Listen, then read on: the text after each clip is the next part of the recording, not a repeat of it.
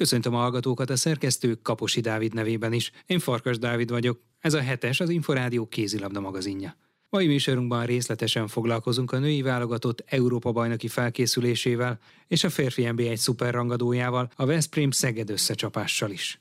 Tartsanak velünk! Hetes. Ezt nem lehet kihagyni.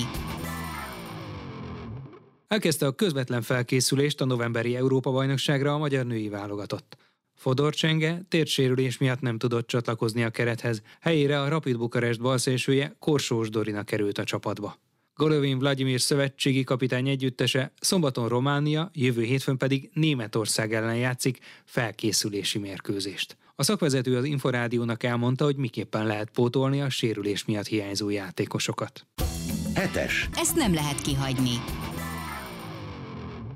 Az olimpiai selejtezős helyek valamelyikének elérését várja a válogatottól a szakvezető.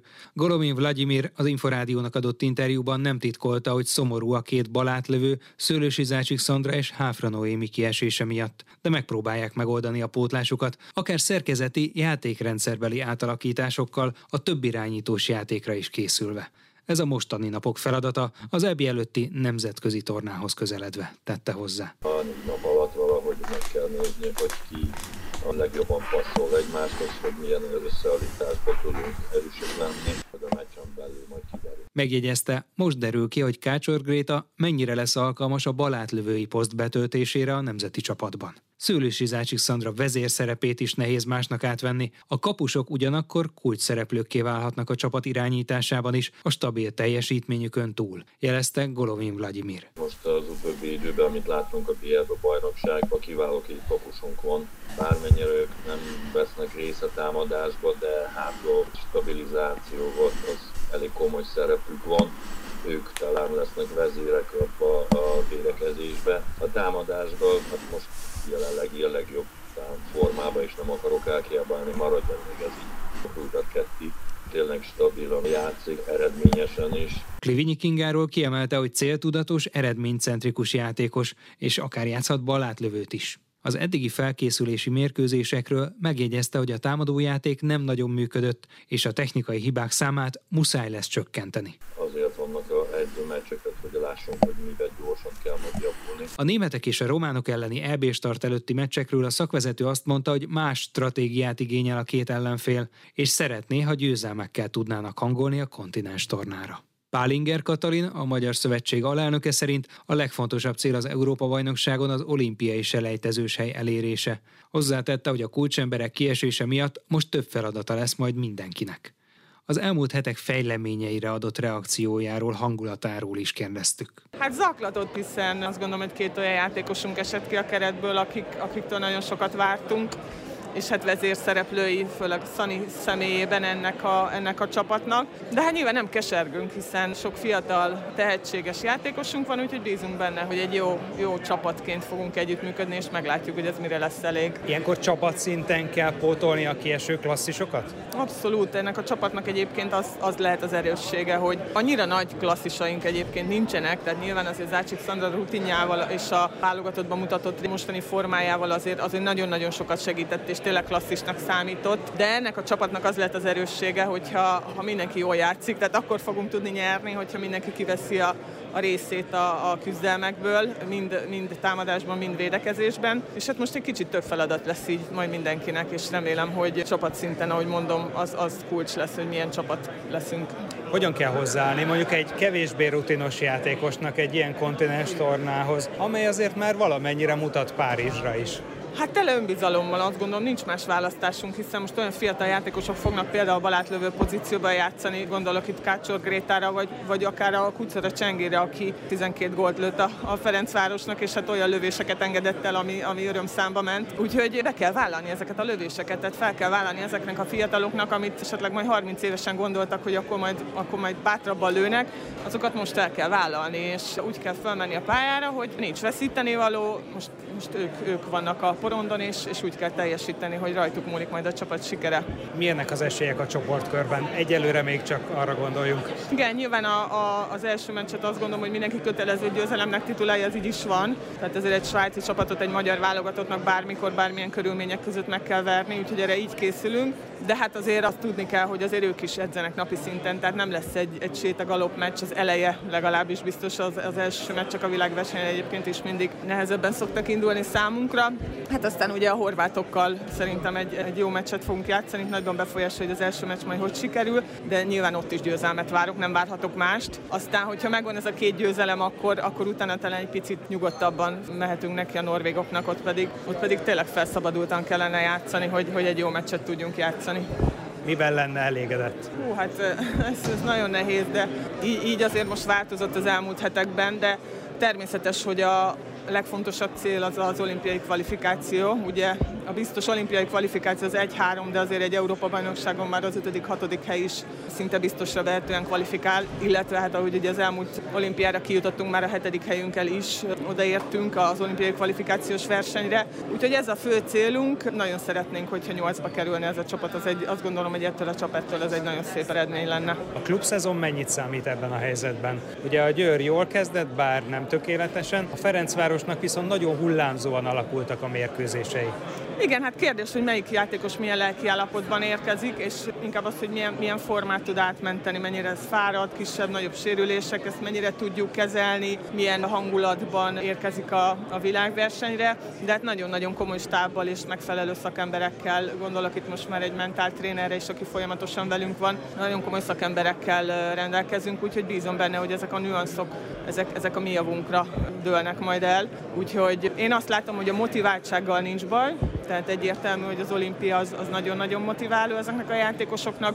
Bízom benne, hogy nem, nem nyomja őket majd nagyon a teher. Nem egy egyszerű időszak ez, ugye a háború, illetve az energiaválság a sportban is már egyre inkább érezteti a hatását, és a következő hónapok nem, nem ígérkeznek könnyűnek. A kézilabdában, illetve a női kézilabdában mennyire lehet tompítani ezeket a problémákat? Hát igen, valóban minden szegmens megérzi ezt a női kézilabda is. Tehát egyértelmű, hogy az összefogás az, ami, ami ilyenkor segíteni tud. Tehát, hogy olyan csarnokokba összeállni csapatokkal, a versenyrendszert úgy alakítani. Ugye a szövetségben azért nagyon régóta dolgozunk már ezzel, hogy kidolgoztunk olyan koncepciót, hogy, hogy A, B, C tervek, hogyha, hogyha komolyabb gond jön, és, és a versenyrendszert akár át kell alakítani, vagy a versenykírást, akkor minden, mindenben partnerek leszünk, hogy, hogy működjön és, és menjen tovább a bajnokság. Pálinger Katalint, a Magyar Kézilabda Szövetség alelnökét hallották.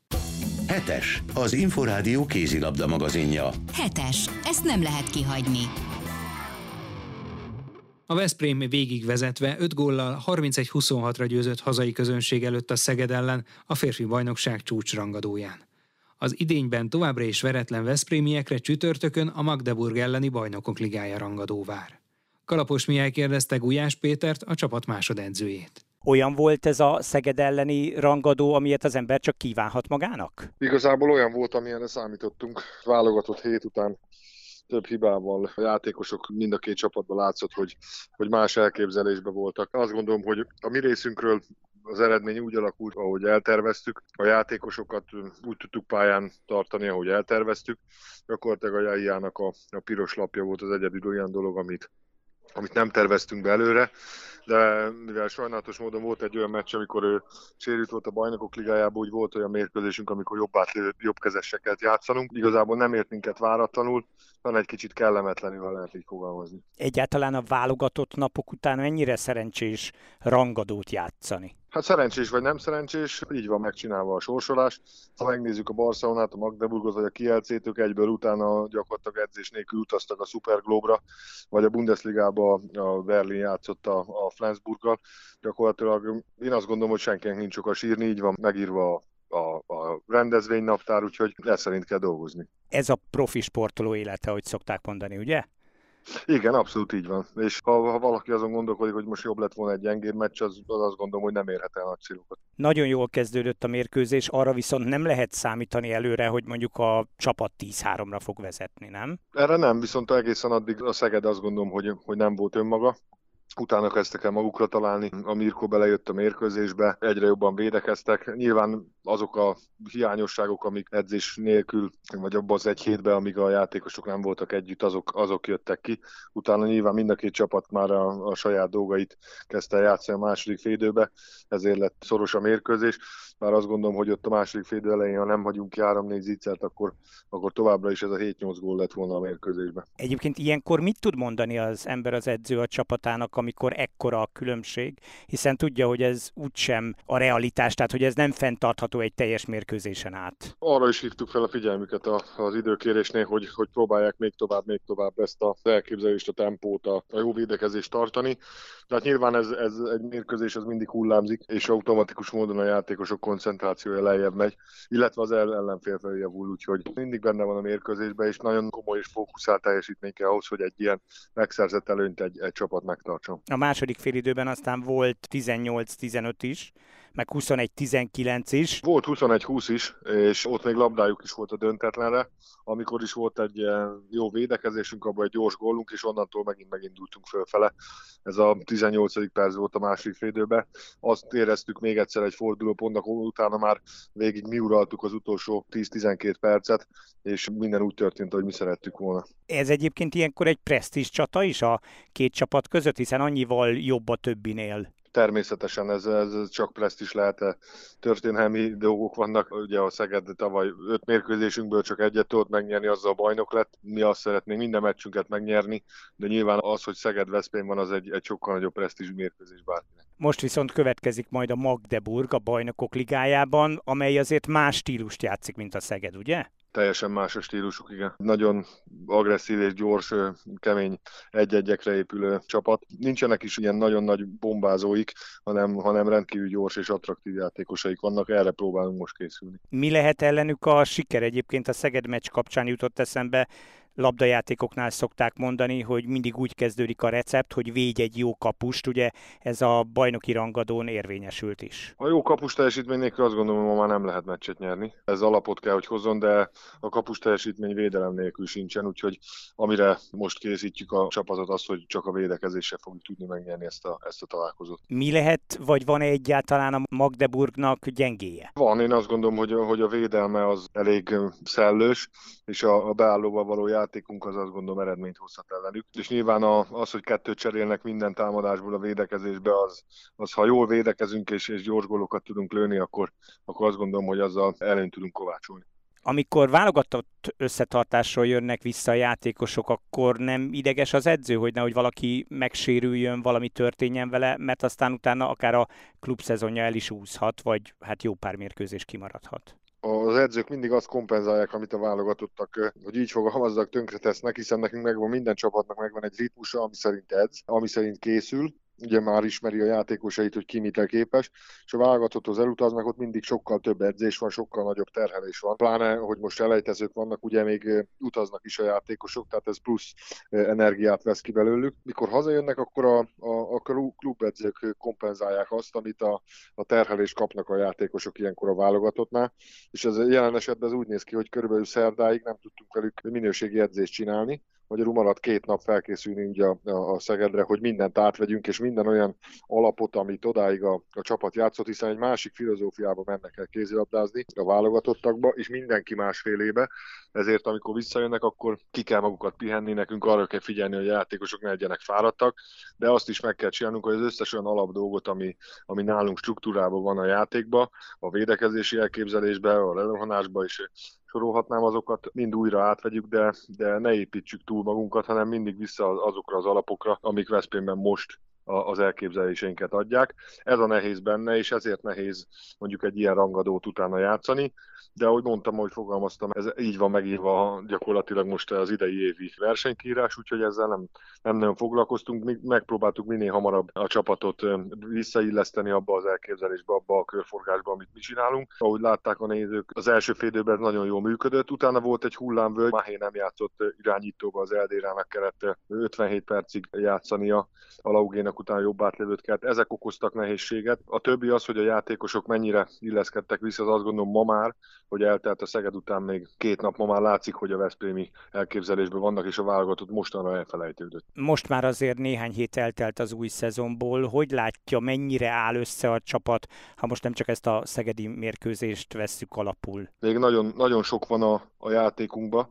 Majdnem azt mondom, hogy tényleg nagyon alap elméleteken foglalkozunk velük, és megpróbáljuk a terhelést most, mint ilyet egy kicsit bemérni, és a játékosoknak azt, hogy mi az opcionális, vagy az opcionális lehetőségük arra, hogy, hogy mikor játszanak a legjobban, hogy van a, a forma hanyatlás, a formába hozásuk. Ezekre nagyon sok időt fektetünk azt, hogy ezt elemezzük és ezt nézzük. Mind a mellett, hogy a játékunkat megpróbáljuk folyamatosan növelni. Én azt gondolom, hogy rengeteg van még most a Veszprémben, rengeteg olyan potenciál, amit, amit nem jól használunk ki. Ezeket fogjuk az elkövetkezendő időbe majd fejleszteni. Ugye most van egy Magdeburg és egy Prok mérkőzésünk, utána a bajnokok ligájában jön két hét szünet, amikor is majd megpróbáljuk ezeket az ilyen taktikai dolgokat a legmagasabb szintre emelni, és a decemberi maradék négy találkozót azt e szerint játszani, és megpróbáljuk úgy, hogy minden mérkőzésre, mérkőzésre próbálunk meg haladni. Jelenleg úgy tartunk, ami, ami azt gondolom, hogy nagy önbizalmat ad nekünk az, hogy 17 mérkőzésből 17-et nyertünk ebben a szezonban, ebbe bele van értve a, a felkészülés is, és az, hogy, hogy győztes csapat vagyunk, az most igenis látszik, mert 17-ből 17 az egy nem egyszerű feladat, ráadásul úgy, hogy nagyon nagy neveket és nagyon nagy csapatokat győztünk le, lásd a, a, a múlt héten a Pixegen. Mennyire lehet a kézilabdában csúcsformáról beszélni? Tehát lehet-e azt mondani, hogy az igazi formát azt mondjuk májusra, áprilisra időzíti az edző, akkor, amikor ma már ez az úszásban sem egyszerű, mert ott is eddig mondjuk volt egy évben egy Európa-bajnokság vagy egy világbajnokság, most már sokkal sűrűbb a versenynaptár, de kézilabdában, ahol hétről hétre nagy meccseket kell játszani, beszélhetünk egyáltalán ilyenről, hogy csúcsforma? Beszélhetünk bizonyos játékosok esetében, hiszen mindig van olyan játékos, aki, aki előrébb tart, aki talán frissebb, aki, aki most jobb formában érzi magát, akinek a lövő formája most csúcsformában van, de ez mindig változik, hogy ezek a játékosok kik, de mégis megpróbáljuk azt, hogy a csapat, mint komplett elképzelés, az menjen csúcsformába, és azon dolgozunk, hogy ezt hogy találjuk meg. Hiszen ha hat játékosod nagyon jó, akkor az, az, az viszonylag, viszonylag rendben, mert tudsz arra a hatra számítani, de mi azt szeretnénk, hogy a tavaszra mind a 14 jó formában legyen, és ennek a megtalálása, ezeket kutatjuk és keressük most, hogy hogy tudjuk azt, milyen terhelés mellett jönnek ki a játékosoknak azok a jó dolgai. Ugye itt, itt benne van pszichológiai önbizalom, sok minden belejátszik ebbe, de, de mégis abba próbáljuk meg a játékosokat, hogy, hogy minél több jó formában lévő játékosunk legyen. Örökzöld kérdés, akár a Veszprémnél, akár a Szegednél, hogy egy ilyen világsztár csapatba mennyire férnek be a magyarok, mennyire csak perememberek, vagy mennyire kapnak akár nem csak epizód szerepet? ahány magyar játékosunk van, annyi játszott most a, a mostani mérkőzésen, mindegyikük pályára lépett, ki többet, ki kevesebbet, de azt látni kell, hogy az Oranics és Lukács Péter élete első ilyen rangadóját játszotta, aminek van egy pszichológiája, ami meg is látszott azt gondolom, hogy most a játékokon, viszont megtapasztalták azt, hogy ez milyen, a következő ilyen rangadót azt azt gondolom, hogy sokkal több játékperccel, sokkal stabilabb játékkal tudják majd, majd eltölteni. Ez egy gyakorlatilag egy olyan folyamat, amit meg kell tanulni, amit, amit át kell élni. Ezt nem lehet úgy, hogy elmondod, és akkor ők majd meg fogják csinálni ezt a dolgot. Én azt gondolom, hogy ez egy, ez egy tanulási folyamat, és jelen esetükben ők a klubnak a, a jövői, akiket építeni kell, két 20 éves fiúról van szó, akik, akik azt gondolom, hogy benne vannak a csapatnak az elképzelésébe, a gondolkodás módjába, igenis játszanak ebbe a csapatba. Idő az, amíg ők egy, egy olyan szerepet, mint egy Rasmus Lauge át tud venni, de azt gondolom, hogy van olyan jövőképük, mint, mint, mint mondjuk az ő szerepe. Egy ilyen csapatnál egyébként mindent mérnek? Gondolok arra, hogy alvási pulzust, vagy gondolok arra, hogy van dietetikus, aki megmondja a játékosnak, hogy mit ehet és mit nem ehet? Így van, gyakorlatilag ettől a szezontól mérjük az alvási dolgaikat, rendeltek a játékosok maguknak ilyen alvási mérőeszközt, mérjük az összes edzésüket, tehát van ilyen rendszerünk, ami alapján tudjuk, hogy ki milyen állapotban, ki mennyit dolgozott, ki mennyit futott, kinek milyen munkára van szüksége, ez szerint próbáljuk meg a kondíciójukat edzeni. Gyakorlatilag nem is nagyon sokszor vagyunk úgy, hogy mindenki egyszerre van a konditeremben, mert szét kell szedni a, a tehetségeket, és tehetség szerint kell vagy fáradtság, vagy, vagy forma szerint edzetni őket. Úgyhogy ez, amiben én azt gondolom, hogy idén nagyon sokat léptünk előre. Gulyás Pétert, a Veszprém másodedzőjét hallották. Már a véget ért a hetes. Új műsorral legközelebb jövő kedden este, nem sokkal fél nyolc után várjuk Önöket. Magazinunk adásait meghallgathatják, és akár le is tölthetik az Inforádió honlapján a www.infostart.hu oldalon. A szerkesztő Kaposi Dávid, valamint Kalapos Mihály nevében is köszönöm figyelmüket. Én Farkas Dávid vagyok, a Viszonthallásra.